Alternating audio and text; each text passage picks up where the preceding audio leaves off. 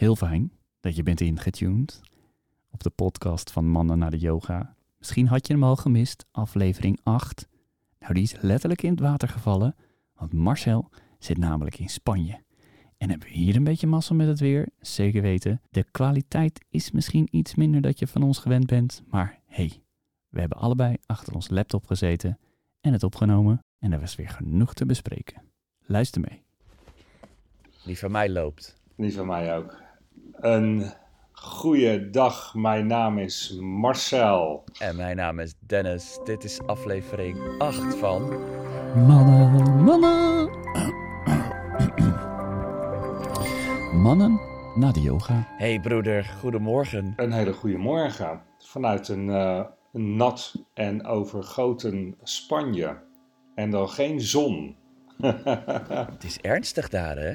ja, nou, we hebben de laatste. La, ik moet wel zeggen dat we de laatste drie, vier dagen hebben we er goed weer voor gehad. Eh, maar je weet dat ik inmiddels al langer als een eh, week. Ik zit nu. Ja, ik zit nu een week en twee. Ik zit eh, negen dagen hier. En van de negen dagen hebben we drie mooie dagen gehad. Maar de eerste vier, vijf dagen is het aan één stuk door heeft het geregend. En ik heb hier inmiddels wat Spanjaarden gesproken en mensen die uh, zijn geëmigreerd naar Spanje een jaar of 25 geleden. En in die tijd is het nog niet voorgekomen, want het heeft nu in totaal in Spanje uh, op dit gedeelte meer als, wat zeiden ze, meer als 2,5 week achter elkaar geregend. Dus dan moet je voorstellen, dan is er dus ook echt, er is geen stop geweest. Het heeft dag en nacht doorgeregend. Het is echt niet normaal. En ja, ik ging hier natuurlijk naartoe om mijn huis een beetje. Ja. Ik ging vol goede moed met een uh, lijstje en een, uh, een, agenda van, nou, dit ga ik doen. Zo ben ik hier naartoe gegaan. En, daar, een stevige planning. ja, een prachtige planning. Een prachtige planning zijn aan het eind, maar daar kunnen we het straks nog even over hebben. Um, gedoemd om aangepast te worden. En dat is letterlijk in het water gevallen. Zo kun je het stellen, ja. Maar uh, wat ook in het water is gevallen, dat zijn mijn, uh, dat zijn mijn yogalessen. En weet je dat ik die mis? Nou, dat wilde ik al aan je vragen. Heb je het gemist? Want ik heb ondertussen wel twee lessen gehad. Zelfs drie natuurlijk, want ik doe hem en op de maandag en op de donderdag. En dan zie ik jou de donderdag. Dus ik heb jou dit keer helaas niet gezien. Nee. En, en ik heb toen wel afgevraagd van nou, hoe zal het zijn? En ik had begrepen dat jij misschien ook nog dan op locatie ging kijken of je dan misschien met je broer een keer een yogales zou kunnen doen. Maar ik verwacht dat daar niks van is gekomen aangezien wanneer alle planning in het water valt, dan is ons ego al snel van ja, dat zit allemaal tegen. Ja, dan ga ik ook niet yoga doen. Nee, nou dat, dat klopt. Ik weet niet of het het ego is dat zegt, dat ga ik niet doen. Er zit wel iets anders. En dat kunnen we dan wel eens uitdiepen. Want is het het ego dat maakt dat zegt, ik heb een beperkte hoeveelheid tijd. Want normaal gesproken zeggen wij vaak, hè, wij creëren zelf de invulling van die tijd. En daardoor maken we het te vol. En ja, hebben we het druk. dus dat is hoe wij vaak in de maatschappij. Ah, ik heb zo druk, druk, druk, druk, druk. Maar ja, dat is eigenlijk de invulling van de tijd die je hebt. En daar stop je zoveel in. En dan heb je het heel druk. Maar nu zit je met een planning. Want je gaat. Uh, je hebt een terugvlucht. En je hebt een actie die je gepland hebt om te gaan doen waar ook een, daar zit een eindtijd aan, maar je kunt niet halverwege stoppen. Dus je moet dat zo zien dat de, de opdracht die ik mezelf en Sander zichzelf heeft gesteld om hier te komen doen, dat zijn werkzaamheden die we moeten doen.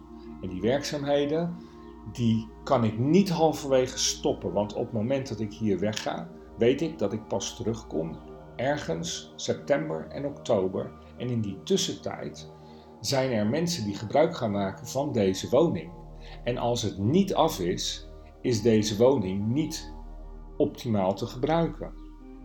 Dus er is een enorme druk die er dan gelegd wordt wanneer er roet in het eten of letterlijk regen in het eten komt. En dat werk moet uiteindelijk wel af. Dus je kan gaan schipperen tussen van alles. Maar je weet wel, hé, hey, ik moet doorwerken, want dinsdag, dan, dan vertrekken we. En dan moet het af zijn. Dus wat er gebeurt is dat je gaat, ik ga dan als vanzelf, hé, hey, s ochtends vroeg gaat de wekker, ik moet er wel nu uit. Want dan kan ik die andere zaken die ik aan het eind had gepland, kan ik nu doen. Want als het straks droog is, dan moet ik dit buiten gaan afmaken. En ik weet niet waar dan dat ego zit, maar dat maakt wel dat ik dan dus niet meer dat matje kan neerleggen en kan zeggen: Oké, nu heb ik even de tijd voor me. En dat neemt niet weg hè, dat ik dus, uh, mijn wekker heb ik dan om 6 uur, dus ik doe wel mijn ademhalingsoefening. Uh, maar die doe ik verkort. En dan geef ik mijzelf inderdaad niet de ruimte om ook nog een uur yogales te doen. Is dat het ego? Of is, hoe, hoe, hoe zie jij dat? Ik, ik, ik weet het niet. Nou, wat ik, wat ik hoor is dat, en dat is dan mijn vertaling, ik, omdat ik weet dat jij samen een woning hebt met jouw broer in Spanje. Dat is, ja, iedereen die hier luistert, die kan die woning, als die denkt, oh, ik wil in Spanje, kan in jouw woning daar boeken en heen komen en lekker een vakantie genieten. Voor me, als, mensen, als jij tegen mensen zegt: Ja, ik ben uh, twee weken in Spanje, dan is dat geen vakantie. Dat is echt een klus. Een werkopdracht zoals ik een opdracht aan zou nemen om ergens bijvoorbeeld een bruiloft te fotograferen. Want het is mega hectisch. Alles moet goed lopen, alles moet gepland zijn. En als het dan regent op zo'n ja, bruiloft, dan is het echt een drama. En dat heb jij nu ook. Maar wanneer je dan op zo'n dag tegenslagen tegenkomt, of in die twee weken, of in die tijd dat je dat moet uitvoeren, dan kun je jezelf behoorlijk gek maken in je hoofd. Dan is het pas ego, want we kunnen niks doen aan dat wat er gebeurt in het leven. Maar wanneer je zo'n tijd hebt als jij nu ervaart, en ook meerdere mensen om je heen spreekt, en zelfs de Spanjaarden verwonderd zijn van het weer wat daar heerst, zo zou je dat wel kunnen omschrijven, dan is er dus een, een andere optie die ik zou uitvoeren. Tuurlijk ben jij van de ademhaling, maar ik zou dan meer een visualisatie-meditatie doen, waarbij je in die visualisatie ook rekening houdt met de regen, maar ook visualiseert wat er op die dag af moet en dat die dag perfect verloopt. Ik denk dat we het daar wel eens eerder een keer over gehad hebben. Dat op het mhm. moment dat jij in de ochtend, laat zeggen een kwartier, mediteert, dat je dan ook visualiseert wat je doet aan werk. Dat je, dat je daar precies die spullen voor nodig hebt, zodat je als je dat klusje doet, dat je niet op die ladder staat en dat je denkt, hm, moet weer naar beneden, want ik ben mijn hamer vergeten. Of ik ben me iets vergeten wat je op dat moment nodig hebt. Nee. Dat je dat allemaal visualiseert, zodat zo'n dag soepeler verloopt. Ik heb dat bijvoorbeeld nodig. Ik zie dat aan uh, mijn vrouwtje Stritje. Die zit op die manier in het leven. Die kan zich zo'n hele dag visualiseren en vooruitplannen. En dan zie ik dus wel gebeuren in mijn enthousiasme dat ik dus ineens met iets om de hoek kom en ik zeg: Hey Strit, kijk, dit is. Of oh, moet je dit eens zien? En dan zegt zij tegen mij: Den, even bewaren, want ik ben nu dit aan het doen. Maar ik kan wel stellen dat. Dit is wel wat ik doe, hè? Dus uh, voor mij zijn uh, de, de dingen die ik hier moet doen, die heb ik, uh, die heb ik in gedachten, heb ik al. En als ik moet gaan aanpassen, dus ik moet gaan spelen met de tijd die ik hier heb en dat wat ik niet kan doen omdat de regen dat uh, blokkeert, dan weet ik wel, oké, dan ga ik me daarop focussen. En het is inderdaad wel zo dat ik dan, s'avonds als ik uiteindelijk moe en voldaan op bed lig, dat ik wel even ook mijn gedachten voor het slapen gaan laat gaan naar de dag van morgen. Ehm, waarin ik A een intentie zet dat ik hoop dat het, uh, dat ik visualiseer dat het een mooie dag en een productieve dag gaat worden. En de ochtend, wanneer ik al iets eerder wakker ben en ik ben met die ademhaling bezig, dan kan ik mij wel bezighouden met: oké, als ik nu zorg dat ik dat en dat klaar heb liggen. Dus eigenlijk het verhaal wat jij net vertelt. Ik zorg dat ik de spullen niet uh, beneden in de garage heb liggen, maar naast de trap waar ik hem straks nodig heb. Als ik dat allemaal op maat en allemaal netjes klaar heb liggen, dan kan ik mooi doorwerken. Uh, sterker nog, ik zie dan ook al het eindresultaat van die dag. En dan moet ik er dus nog aan beginnen. Dus ik functioneer wel al veel meer met het visualiseren wat het gaat worden. En dat helpt mij door de dag heen. Dat neemt niet weg dat ik kan wel, en dat is wel iets wat ik denk dat herkenbaar kan zijn voor mensen. De afgelopen periode heb ik laat gegeten. Ik hou er niet zo van om laat te eten. Ehm, je weet dat ik met gezondheid bezig ben, dat ik met voeding bezig ben, dat ik een, een uh, lieve vriendin heb die zich heel erg bekommert om uh, de hormonen van uh, de hormoonhuishouding van vrouwen, maar daarnaast ook dus de, de, de hormoonhuishouding van mannen. En dat het belangrijk is dat je eet, maar dat eten ook niet, een te, la, niet te laat op de dag moet gebeuren. Dus normaal gesproken eet ik mijn avondmaal niet zwaar en redelijk vroeg in de avond. Ergens tussen 6 en 7 eet ik en na 8 uur niet meer. Maar hier is het lichter buiten en dan heb ik de planning voor de dag. En die verloopt, nou, laten we zeggen, soepel. Maar ik heb nog een half uurtje licht buiten over. Dus ik ben de hele dag al bezig geweest. En in dat half uurtje kan ik nog net even de parkeerplaats schoonspuiten met de hoge druk. Want dan kan ik morgen meteen snel van start met het uh, voorstrijken van de muur, omdat die zo meteen gestuukt moet worden. En dan ga ik dat toch doen. En het gevolg is dat dat half uurtje, dat wordt drie kwartier. En dan moet ik naar binnen en dan moet er eten gemaakt worden. En het eten maken, dat zou gemakkelijk zijn. En daar komt toch net iets bij. Dus dat duurt een kwartiertje langer. En dan uiteindelijk zit ik om half tien aan tafel of kwart voor tien. En dan is mijn eten om tien uur pas op. Nou, dan ga ik naar bed. En dan lig ik wakker omdat ik te laat gegeten heb. En dat lichaam dat moet nog in zijn spijsvertering. Nou, zo bedoel ik, wat ik, wat ik bedoelde is, er komt aan het eind altijd nog even ietsjes bij. dus, dus, dus die dag is dan ineens te kort. Of heb ik hem te lang gemaakt? Nou, begrijp je dat dit de manier.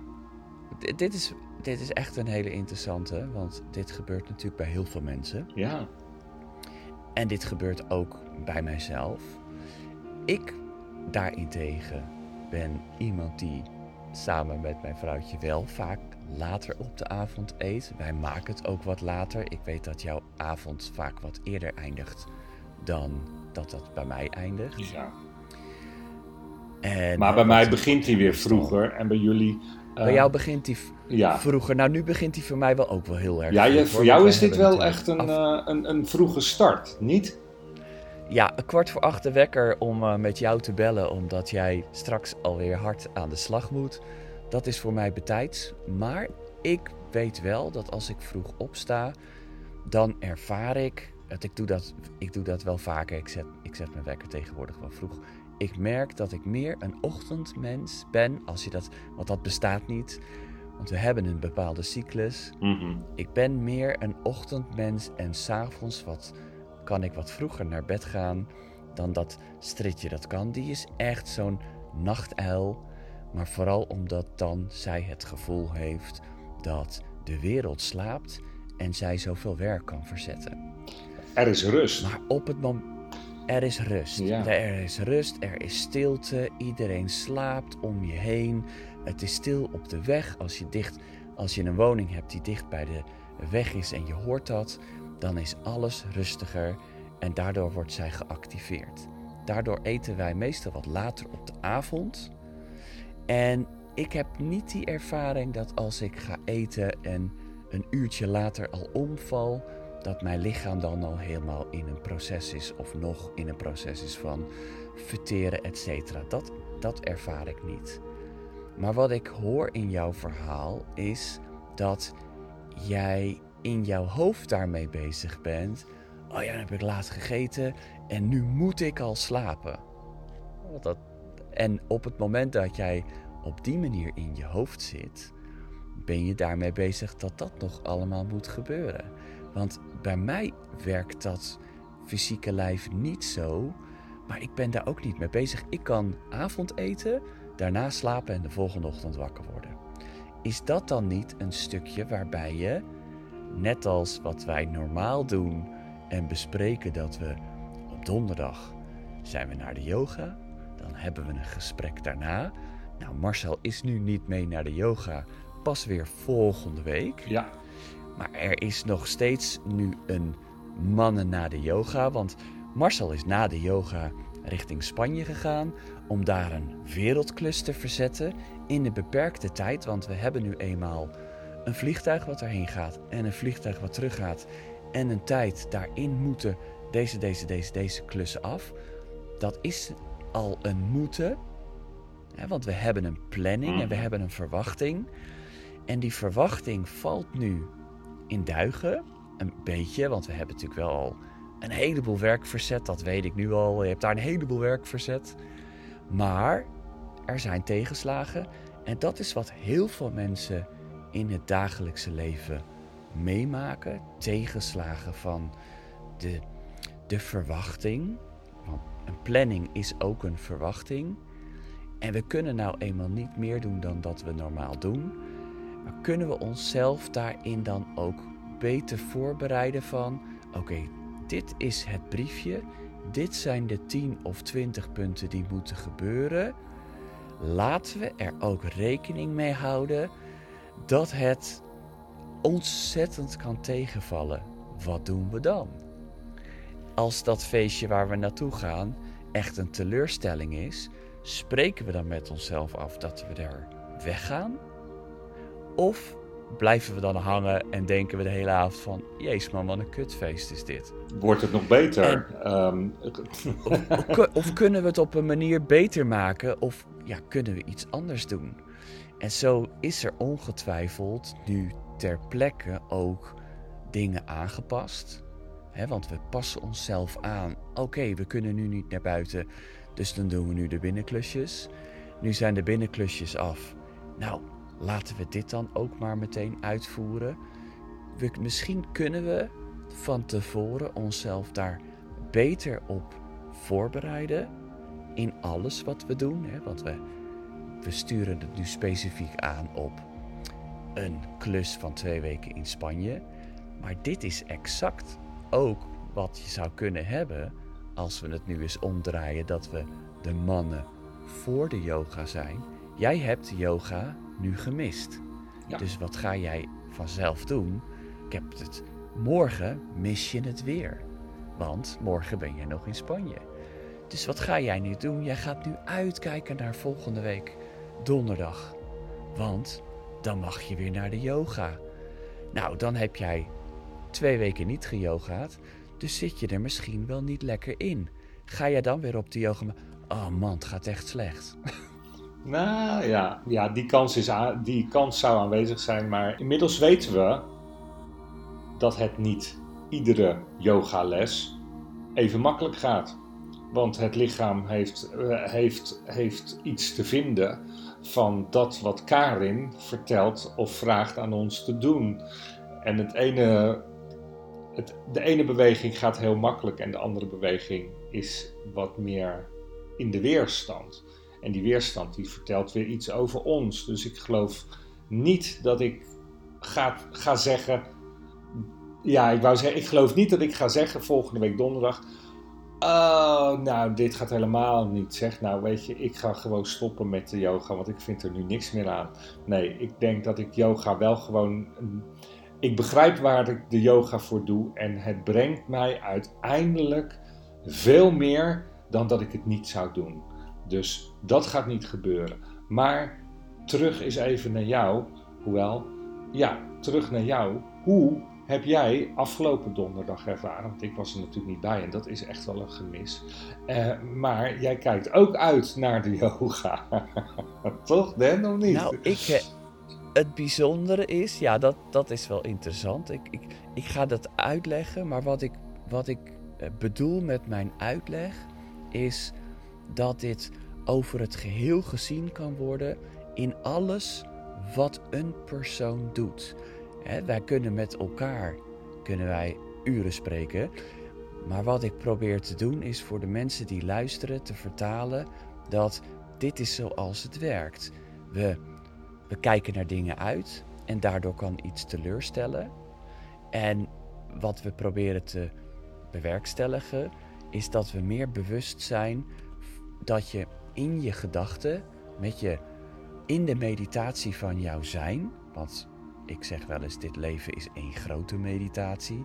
En als je hier straks weer uitkomt, dan zeg je zo, het was echt een diepe meditatie. Ik heb een heel leven ervaren. Mhm. Net als een, als een complete ayahuasca-reis, wat dit leven ook zou kunnen zijn. Nou ja, dat beschrijf, eigenlijk beschrijf je dat net ook. En dat is wat jij wil zeggen, denk ik. Dat is ook de uitleg die je geeft. het kan, we kunnen het betrekken op een yogales, maar neem alleen maar de periode van twee weken werken aan een huis. Of neem de periode je leven, of neem de periode uh, die jij zelf hebt bepaald. Over een maand moet ik dit of dat doen. Dus als we het gaan betrekken op de mensen om ons heen, de mensen in, op deze wereld. We hebben allemaal te maken met planning of verwachtingen of uh, dingen die we willen doen. Ga je daar mee om als zijnde dit is gefixeerd wat we moeten doen en als het tegenzit, dan stop ik ermee. Of heb je de flexibiliteit in je hoofd om te accepteren dat het niet altijd loopt zoals je hebt gepland. En als je dat accepteert, kun je ook veel makkelijker aanpassingen maken. En zul je zien, want dat is mijn ervaring wel, aan het eind van die planning heb ik 9 van de 10 keer wel alles gedaan wat ik had willen doen. Linksom of rechtsom, in het leven komt het altijd goed. Die uitdrukking hoor je wel vaker, mits je maar, in mijn optiek, weet te schakelen, aan te passen en te accepteren dat sommige dingen niet altijd even leuk zijn, omdat het niet loopt zoals dat je zou willen. Maar als je er doorzet, behaal je uiteindelijk wel het eindresultaat. En dat vind ik met yoga dus ook. Nou, en daar komt de grote kracht in alles wat we doen, als in jij, ik en een luisteraar, dat je voor jezelf probeert te vinden dat het glas altijd half vol is. En, en daarin heb je natuurlijk ook types die altijd zien dat hun glas half leeg is. En ik denk dat jij vroeger voor jouw bewustzijnsverandering en de verandering in andere dingen doen in het leven meer had gebaald in Spanje, nu op dit moment met de tegenslagen, dan dat je nu hebt gedaan? Zeker, zeker. Ja, nou dat, ja, dat is toch interessant om dat te bekijken en dat kan een ieder kan dat veranderen in zichzelf. En dat is de uitleg zoals ik hem probeer te doen, zodat mensen echt ook denken van wauw, maar laat ik dat dan ook eens meer proberen. Laat ik eens meer met mijn bewustzijn het hele brede spectrum van voordelen en tegenslagen en ongekende mogelijkheden uh, proberen en zien. ja, dat is wat ik bedoel. Ja, nou. hey, maar terug dan te komen op jouw vraag. Want ja. mijn yogalessen waren mega interessant. Ik heb twee, de laatste twee, Want ondanks dat ik ook wat vrij ben, ik heb een periode van een break, merk ik dat ik heel veel te doen heb. Zie je, daar ga je ook al. ja, dat ik heel veel te doen heb. En wat ik dus ook merk, en dat zie ik ook gebeuren, dat ik met de meest simpele dingetjes soms twee uur kwijt ben. Dat is best wel heel interessant. En dan denk ik ineens, wauw, mijn dag is weer om. Maar daardoor kan ik me wel nog... Uh, ik kan de, de derde yoga niet zo goed herinneren. Maar de laatste twee heb ik speciaal onthouden. Want die dag die wil ik dan wel met je delen. Er, er waren twee lessen die heel erg gericht waren op de lever.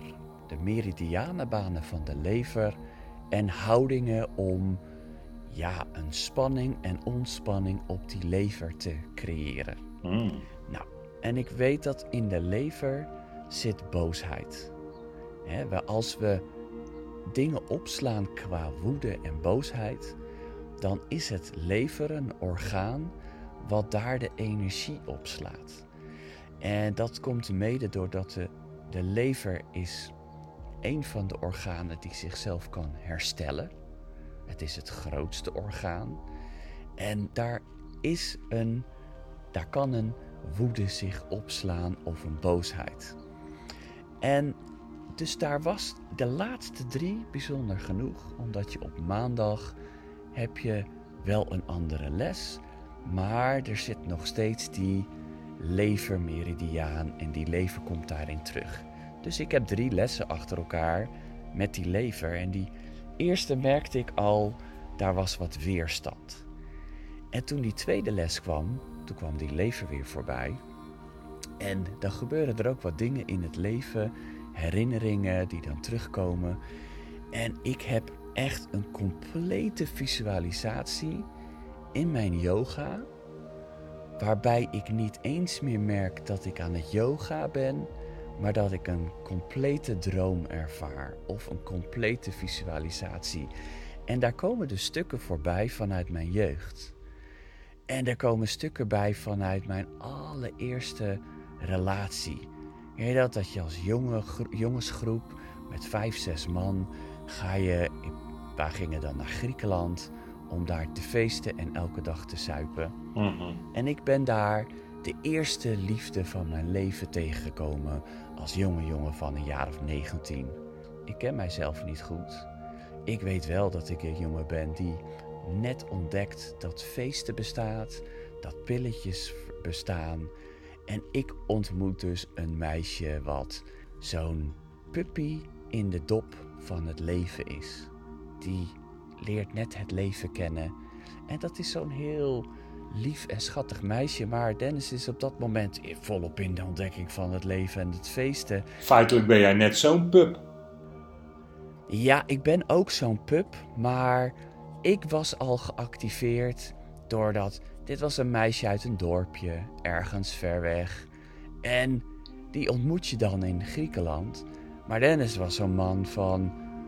Uh, die kent Amsterdam, die kent de coffeeshops, die kent de grote discotheken ver van haar bedshow.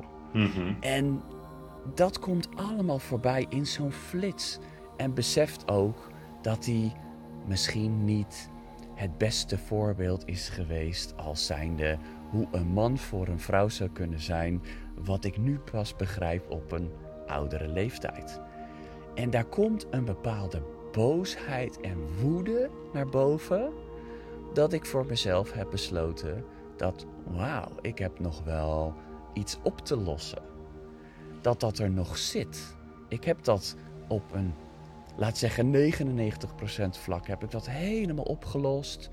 Ook na jaren heb ik dat uitgelegd aan haar, hoewel dat wat minder goed ontvangen werd. Maar op het moment dat ik dat allemaal begreep, we kennen allemaal het Facebook-fenomeen. Volgens mij bestond er toen nog iets als Hives. En ik heb mijn verhaal geschreven zoals ik jou dat nu vertel. Dat ik daar me nu bewust van ben. Mhm. Dat dat anders is verlopen dan dat dat zou kunnen zijn. Dat ik ook geleerd heb van het leven. En dat ik nu een bewuster. Maar mag ik wat vragen dan? Want jou, jij, hebt, ehm, jij ervaarde op dat moment toch een stuk boosheid. Dat kwam naar boven. Ja. En ik denk dat dat betrekking had op jouw vakantie en die misschien wel prille vakantieliefde met uh, dat, dat meisje wat bleu en onbezonnen samenkwam met jou, had die boosheid dan te maken met het feit dat je uh, vindt nu, of er iets van vindt nu, over hoe je toen was en met haar bent omgegaan? Of waar, waar komt die boosheid dan vandaan? Nou, goede vraag, want dat heb ik natuurlijk in mijn bewustzijn, in, in mijn momenten en meditaties daarna onderzocht en bekeken. En ik heb daarna heb ik nog een yogales gehad, waarbij, er, waarbij dat al enigszins verdwenen was. Want wat er gebeurde in die dagen daarna, is dat ik voelde dat de manier zoals ik natuurlijk mijn jeugd heb ervaren met die uitspattingen die daarbij zijn gekomen en uiteindelijk het verlies van uh, eh, 23 jaar in die scene om maar te vinden wat ik probeer te vinden, wat ik daar nooit heb kunnen vinden, waar we het wel eens eerder over gehad hebben, heb ik nu gezien dat er een registratie is geweest in mijn veel jongere jaren, waardoor ik natuurlijk deze uitspattingen in het leven nodig had om te ontdekken wie ik ben. Dus wat ik heb gemerkt en geleerd heb in de yoga, is om nog verder te graven. Want natuurlijk was er al eerder een keer een frustratie of noem het een boosheid of zo van hé jongen, dat heb je minder lief of goed aangepakt in die tijd. Maar het was natuurlijk ook nodig. Maar door de ontwikkeling in je jonge jaren, wat je bijvoorbeeld ook uh, wat je onderzoekt bij, uh, zoals mensen naar een psycholoog gaan of naar een, iemand in gesprek van hé, hey, wat is er nou allemaal gebeurd in je jongere jaren? Eh, zo zijn er momenten in je leven of lessen in je leven of ervaringen in je leven die je met je meeneemt, waardoor je gevormd wordt en de dingen doet die je doet. En die boosheid heb ik nu begrepen, die komt dus van nog eerder. En daardoor is het zo gelopen zoals het is gelopen. Dus ik neem die, ik neem die relatie niks kwalijk. Ik ben daar ook niet boos over richting mezelf. Maar ik merk dat de, zoals je de dingen doet die je doet, zoals je de beslissingen neemt in je leven, zoals je ze beslist, waar dat vandaan komt, dat komt dus van een heel eerder stuk uit mijn leven. En door die ervaring in de yoga, dus dat je dus zo een lever activeert en daar beelden naar boven komen, is er nu een nieuw stuk wat veel ouder is. Dus wat we vaak missen in het leven, om dat dan ook maar even algemeen proberen uit te leggen. Vaak denken we dat het ergens aan gekoppeld zit, maar we vergeten nog eerder terug te gaan. En wat ik daarmee bedoel is, ik weet nu nog wel, doordat we het erover hebben, wat drie keer geleden op de yoga begon. Maar van die vierde keer weet ik het echt niet meer. Dan moet ik terugluisteren naar de podcast. We vergeten dingen. Ja. En we vergeten dus de opvoeding, de ervaring, de, hoe ouders zijn, hun karakters, hun ervaringen. Zijn, zijn je ouders liefdevol of stressvol? Zijn je ouders bezig met bewustwording? Of zijn ze helemaal afgesloten en alleen maar hier met hard werken, geld verdienen, huis kopen? Waar we het vaker over gehad hebben. Dat zijn allemaal dingen die je met je meekreeg. En ja, als ik dan mij bedenk hoe dat bij mij thuis ging en wat ik dan nog wel eens merk, is dat ik, ja, mijn, mijn familie is Amsterdams, zijn Amsterdammers in hart en ziel. Mijn hele familie komt, gedeelte bij de Jordaan, mijn voorfamilie komt daar vandaan. Nou, ik kan je vertellen, Amsterdammers, en excuse my language, die kunnen de hele dag kankeren. Mopperen dit, zus en zo, dit loopt niet lekker, alles zit tegen. Dat is een Amsterdams eigenschapje. Om, om, om alles een beetje, ja, een beetje te mieren neuken. En dat, ik denk dat dat er van oude lijnen in zit, waardoor je een bepaalde boosheid meekrijgt. En ik zit gelukkig helemaal niet zo in elkaar. Ik denk dat jij mij wel zo kent. Mhm. Dat ik altijd positief ben. Maar dat er dus iets mee is gegeven in oude lijnen. Waarin ik nu heb gezien van wauw, dit is niet iets van mijzelf wat ik mag gaan oplossen. Maar van wat ik heb meegekregen. Waardoor ik dus beslissingen in mijn leven heb gemaakt om ja, waarschijnlijk tegengesteld te zijn. En dus helemaal los te gaan op het moment zodra dat kon en je de mogelijkheid krijgt. Waardoor je dus misschien ja, in je eerste relaties natuurlijk ook meelessen, mee, eh, lessen meegeeft voor een ander. In dit geval ja, zo'n meisje wat misschien een beetje bleu is. Nou ja, die heb jij ook lessen meegegeven. Zeker, zeker. En misschien niet helemaal blij, jij misschien eh, je, de, de, de, de, de ondergrond van je boosheid zit misschien wel in de handelingen die je toen gedaan hebt, waarvan je nu vindt dat ze niet gepast zouden zijn. En daaruit kan dan die boosheid ontstaan. Maar zij heeft zichzelf ook mede gevormd door de interactie die jullie hebben gehad. En daardoor in haar leven de lessen mogen leren die ze zou kunnen leren. Want zo zie ik het. Zeker. Als ik het resumeer naar wat je net gezegd hebt, dan is het denk ik twee dingen heel belangrijk voor een luisteraar. En dat is ook hoe wij er al vaker over praten en naar kijken. Niets in het leven gebeurt voor niets. Dus als je dat realiseert, kun je makkelijker terug, kun je bewuster terug gaan kijken. En via de yoga, in dit geval een meditatie op de lever, heeft jou er weer doen triggeren om eh, nog verder terug te gaan kijken. In die meditatie heb je een bepaalde visie, visie ontwikkeld en ben je teruggegaan naar nog verder. Ehm, de, de, de, de basis van een probleem hoeft niet vorige week of een jaar geleden te liggen. Ik zeg altijd, ervaringen die wij opdoen in dit leven, die worden vastgezet in onze hersenen. En die worden vastgezet op een scheikundige manier. Dus je hebt het plaatje en een chemisch middeltje en dat geeft een bepaald gevoel. Het gevoel en het plaatje, dat is een, een backup in het systeem, in het hoofd van een bepaalde gebeurtenis. En dat heeft een bepaalde stap in jouw leven gecreëerd.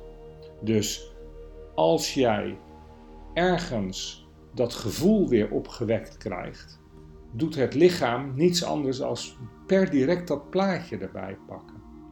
Maar dat plaatje pakt hij er voor jou niet altijd bewust bij. De plaatje heeft voor jou een handeling te werk gesteld. Ik hoop dat dat, dat, dat, dat begrijpelijk is, maar wanneer jij van iets bent geschrokken in het verleden, dit is een makkelijk voorbeeld. Um, jij bent klein, jij loopt over straat samen met je mams en er komt een hond op jou af en die hond die blaft. Die blaft alleen.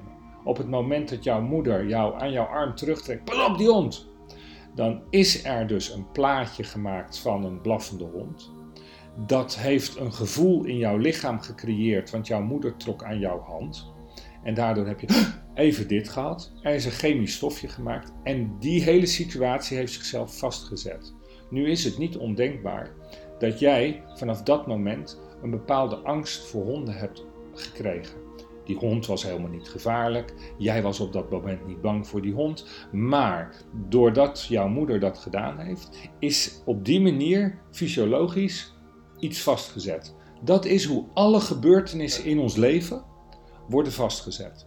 En vanuit daar creëren we, zeg, goede beslissingen en minder goede beslissingen. En een minder goede beslissing of een goede beslissing is weer de stap naar jouw ontwikkeling.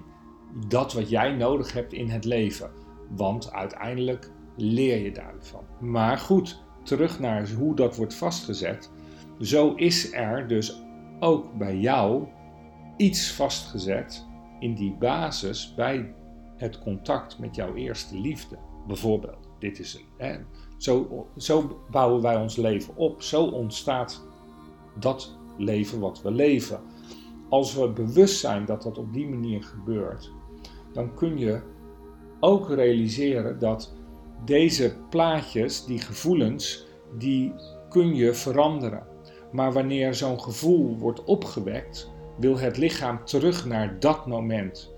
En als dat moment een vervelend moment voor jou is, dan beleef jij keer op keer het vervelende moment. En aan de hand daarvan blijf jij die beslissingen nemen die je altijd hebt genomen. Er is zoiets als het uh, neurolinguistisch programmeren. Het omzetten van bepaalde gedachtegoeden waar gevoelens bij zijn gekomen naar een positieve kant. En hoe doe je dat? Door wat er nu gebeurt bij jou. Jij bent teruggegaan naar dat moment. Op de een of andere manier heeft de yoga jou getriggerd om daar te komen. Daarin heb jij kunnen zien van hé, hey, dat is toen zo en zo gelopen. En dat heeft, dat heeft een groot deel van mijn leven bepaald. En alleen al door dat in te zien, verander je de chemische substantie en de gevoelens bij dat plaatje. Het gevolg zal zijn dat je in het nu ineens stukken makkelijker kan accepteren wat er toen gebeurd is, omdat je het een andere wending hebt gegeven.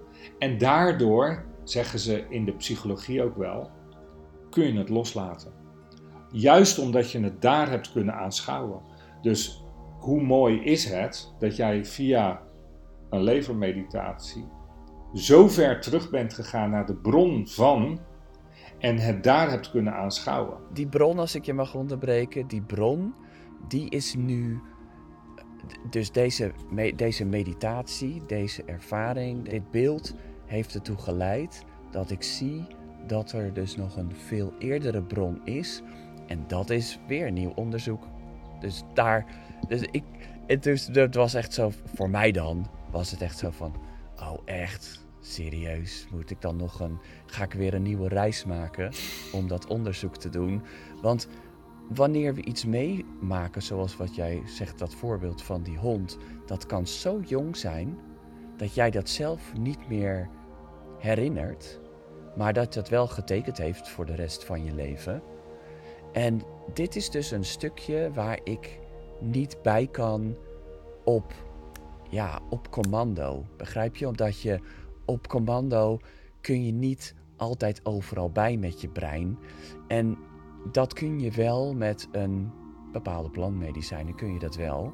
Dus ik had zoiets van, oké, word, ik, word ik hier weer geroepen? Terwijl dat echt al heel veel jaren niet zo is. Ik dacht van, oh, dat is wel heel interessant om misschien eens zo'n onderzoek te doen. Ja, en in dan, als ik dan overzie van wat er in de afgelopen tijd weer allemaal gebeurt, dat daar toch wel van meerdere kanten op wordt aangestuurd door het universum, zoals we dat wel eens zo mooi zeggen. Mm. Dat ik al meerdere signalen krijg van, joh, hé, hey, maar uh, er is dan en dan, uh, ja, er komen speciaal, komen er uh, uit Peru, komen ze naar ons toe.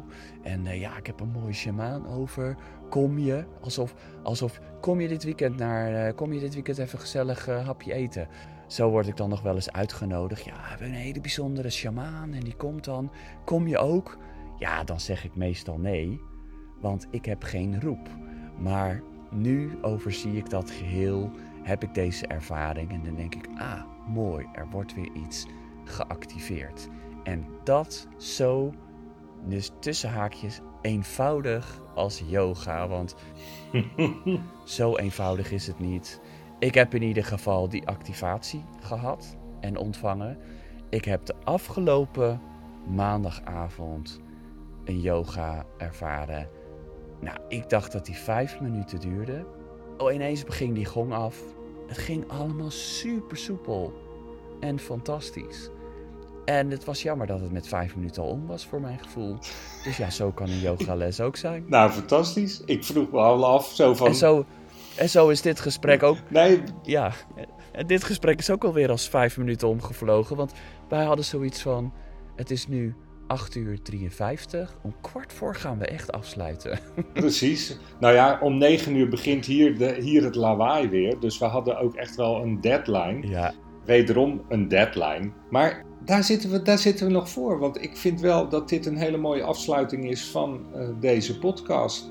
We hebben wel weer iets heel moois kunnen belichten in het geheel. En ehm, ik, ik zou zeggen, wat mij betreft, eh, eh, de, de, de luisteraar heeft genoeg stof tot nadenken. Ja, ik denk dat als we het kort samenvatten, dat het belangrijk is dat als er iets met je gebeurt, als in een frustratie, een boosheid, verdriet, iets waar je heel blij van wordt, dat we eens heel ver terug moeten gaan in onze kindertijd van hoe dat geregistreerd is in dat brein. En ja, als dat iets is wat je niet meer dient, Kijk, vro- vrolijkheid en blijheid, dat is natuurlijk altijd fijn. Maar als dat een bepaalde frustratie woede is, wat je misschien niet zo dient, is dat we daarin wel wat verder terug mogen gaan van waar dat vandaan komt. En dat komt niet zomaar uit een relatie met een of andere klootzak. Snap je? Als dat een dame is die luistert. Ja, of een of andere. Ja, Nou, dat ben ik wel blij om te horen.